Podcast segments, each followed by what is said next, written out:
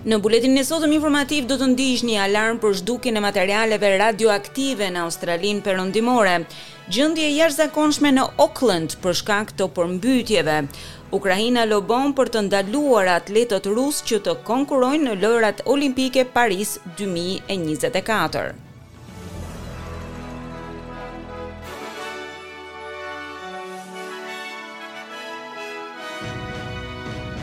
Fillojmë më gjerësisht me lajmet.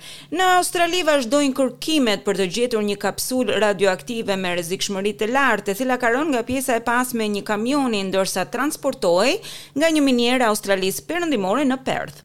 Një paralajmërim për rrezikun e substancave radioaktive është lëshuar përgjatë një arterie me gjatësi një mijë e katërqind kilometra, ku zakonisht transportohen mallra nga Pilbara në një depo në Perth. Ekspertët e materialeve të rrezikshëm janë në kërkim të kapsulës, e cila ka madhësinë e një monedhe dhjetë cent.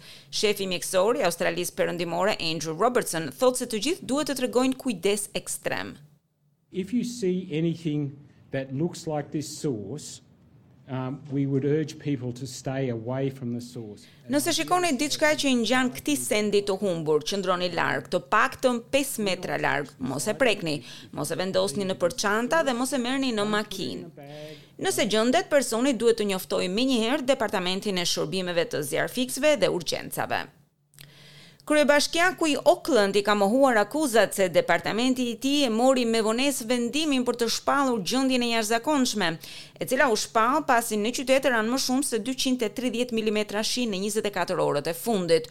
Dy persona kanë humbur jetën, dy të tjerë rezultojnë të humbur, ndërsa shkalla e plotë e vdekjeve nuk është përcaktuar ende. Autostrada kryesore në ishullin e veriut është mbyllur në shumë pika, ka ndërprerje të gjerë të energjisë elektrike. Aeroporti i Auckland ka pezulluar funksionimet, e ndërsa mijëra njerëz janë bllokuar dhe nuk janë në gjendje që të kthehen nëpër shtëpitë e tyre. Katër qendra evakuimi janë hapur në të gjithë qytetin. Kryeministri Chris Hipkins thotë se shërbimet e urgjencës janë të kufizuara sepse shumë rrugë janë të bllokuara nga përmbytjet. Kryetari i Bashkisë së Auckland, Wayne Brown, këmbëngul se vendimi për shpalljen e gjendjes së jashtëzakonshme u mor në kohën e duhur. and my role isn't to rush out with buckets, it's to be here ensuring that Roli im nuk është të nxitoj dhe të marr kovat, unë duhet të jem këtu për t'u siguruar që qendrat të jenë të organizuara mirë dhe kemi marrë veprimet e duhura në momentin e duhur. Rikuperimi në shumë zona të Auckland mund të marrë muaj të tërë, një banor që jeton në Milford në bregun verior të qytetit, i tha stacionit radiofonik Newstalk ZB se shtëpia e tij është një nga qindra të prekura nga përmbytjet.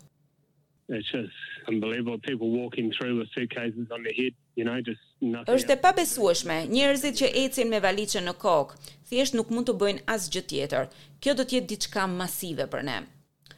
Shefi i Thesarit, Jim Chalmers, thotë se dëshiron të ndryshojë mënyrën se si trajtohet ekonomia australiane. Ai thotë se Australia duhet të dalë me një model të ri të kapitalizmit, i cili të jetë i përafërt me vlerat e Australisë.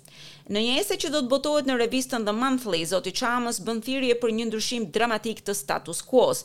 Ai thotë se ekonomia australiane ka mbetur e pambrojtur pas goditjeve të përsëritura nga jashtë, si kriza financiare globale, pandemia dhe inflacioni.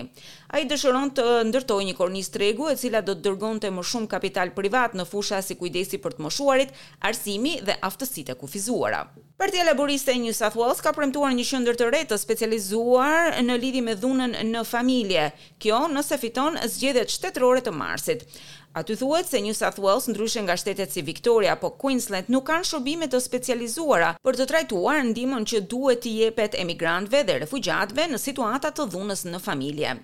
Qendra do të vendoset në Sidnin jugperëndimor, për të cilin partia citon se statistikat tregojnë se është parë një rritje prej gati gjashtë për qind në pesë vitet e fundit në sulmet e lidhura me dhunën në familje.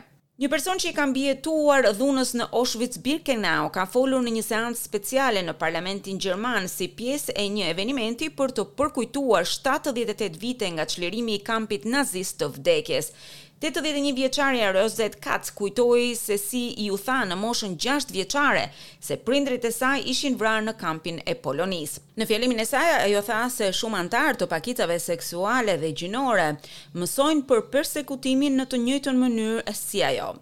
Bärbel Bas, presidenti i parlamentit gjerman, thotë se është jetike që këto kujtime të dëgjohen nga brezat e sotëm. Es ist mir sehr wichtig, dass wir heute der Menschen gedenken, die wegen ihrer It is very important to me that we remember today those who were persecuted because of their Për mua ka shumë rëndësi që të kujtojmë ata që janë persekutuar për shkak të orientimit të tyre seksual dhe identitetit gjinor. Pjesë e përkujtimeve janë të mbijetuarit në këtë dhomë, të cilët flasin e na tregojnë për jetën dhe vuajtjet e tyre. Të mbijetuarit e këtij grupi viktimash kanë ndërruar jetë, pa i dëgjuar ne. Ngjarje janë zhvilluar në mbarë botën për të shënuar Ditën Ndërkombëtare të Përkujtimit të Holokaustit, të themeluar nga Kombet e Bashkuara për të përkujtuar çlirimin e kampit të Auschwitz nga ushtria ruse në vitin një mijë e nëntëqind e dyzet e pesë.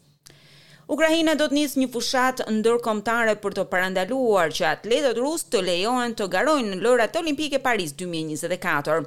Presidenti Volodymyr Zelensky dhe ministri i Sporteve të vendit thonë se Ukraina nuk do të përjashtonte bojkotimin e Lojërave nëse atletët rusë dhe bjellorusë lejohen që të garojnë nën një flamur neutral. Komiteti Olimpik Ndërkombëtar ka për qëllim që t'i përfshijë atletët rusë dhe bjellorusë si neutralë në Lojërat Olimpike Paris dy mijë e njëzet e katër. Shtetet e Bashkuara kanë lehtësuar më tej kufizimet në dhurimin e gjakut nga meshkujt homoseksualë dhe biseksualë e grupe të tjera, të cilat zakonisht përballen me rrezikun e lartë të virusit të SIDA-s. Administrata e Ushqimit dhe Barnave ka lëshuar draft-udhëzimet e reja, të cilat do të shfuqizojnë kërkesat aktuale të abstinencës tremujore për donacionet nga meshkujt homoseksualë. Donatorët e mundshëm do të kontrollohen me një pyetësor të ri, i cili vlerëson rrezikun e tyre individual kundrejt virusit. Doktor Peter Marks thotë se do të shohë ndryshime në dhurimin e gjakut për herë të parë në dekada, e synon të zgjerojë pranueshmërinë e dhuruesve. We are moving now to an inclusive policy for blood donation that's as inclusive Po shkojmë tani drejt një politike gjithëpërfshirëse drejt dhurimit të gjakut që është aq gjithëpërfshirëshme sa të jetë e mundur. Mendoj se ky është një hap shumë i rëndësishëm përpara, na vë në linjë me vendet e tjera në botë, të cilat kanë ndryshuar politikat e tyre të cilat mbështeten dhe nga shkenca. Gjykata e Lartë e Nepalit ka shkarkuar zëvendëskryeministrin e vendit nga detyra dhe selia e tij parlamentare për shkakun e shkeljes së ligjeve të shtetësisë.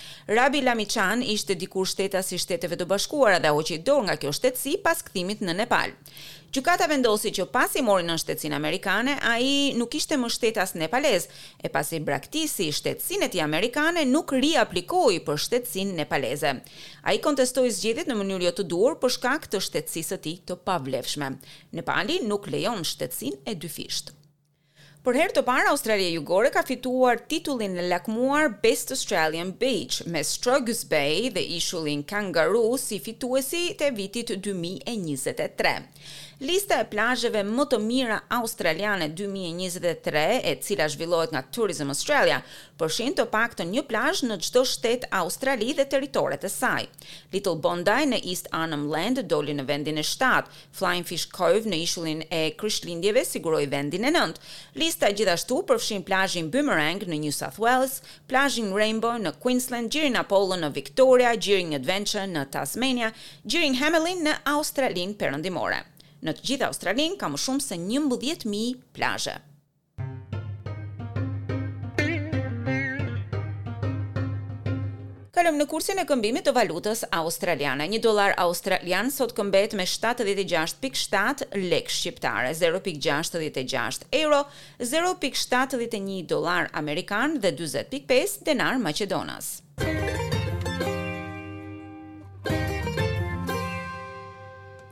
Kalojmë në sport dhe më saktë në Melbourne Park, ku mbahet Australian Open. Sot zhvillohet finalja e femrave, ku përballë njëra-tjetrës janë Elena Rybakina dhe Aryna Sabalenka, përkatësisht nga Kazakistani dhe Rusia. Ky do të jetë takimi i katërt midis Sabalenkës dhe Rybakinës. Sabalenka ka fituar të gjitha ndeshjet e tyre të mëparshme dhe secila në distancë me tre sete. Ndonëse ende nuk ka shënuar një fitore kundër Sabalenkës, Rybakina është rritur ndjeshëm në besim dhe përvojë që nga përplasja e tyre e fundit në Wimbledon në dy mijë e njëzet e një. Nesër mbahet finalja e meshkujve. Në fushë do të jenë përballë njëri-tjetrit Novak Djokovic dhe Stefanos Tsitsipas. Djokovic mposhti Tommy Paul shtatë pesë, gjashtë një, gjashtë dy për t'u vendosur në përballje me Tsitsipas.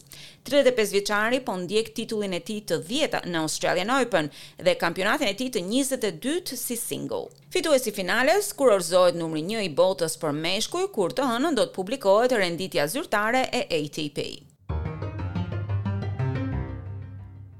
Edhe kalojmë në parashikimin e motit. Sot nëpër qytetet australiane janë regjistruar këto temperatura: Sydney 22-30, Melbourne 18-35, Brisbane 23-31, Perth 15-31, Adelaide 24-30, Canberra 15-34, Hobart 16-29, Darwin njëzet e pesë tridhjetë e tre gradë celsius.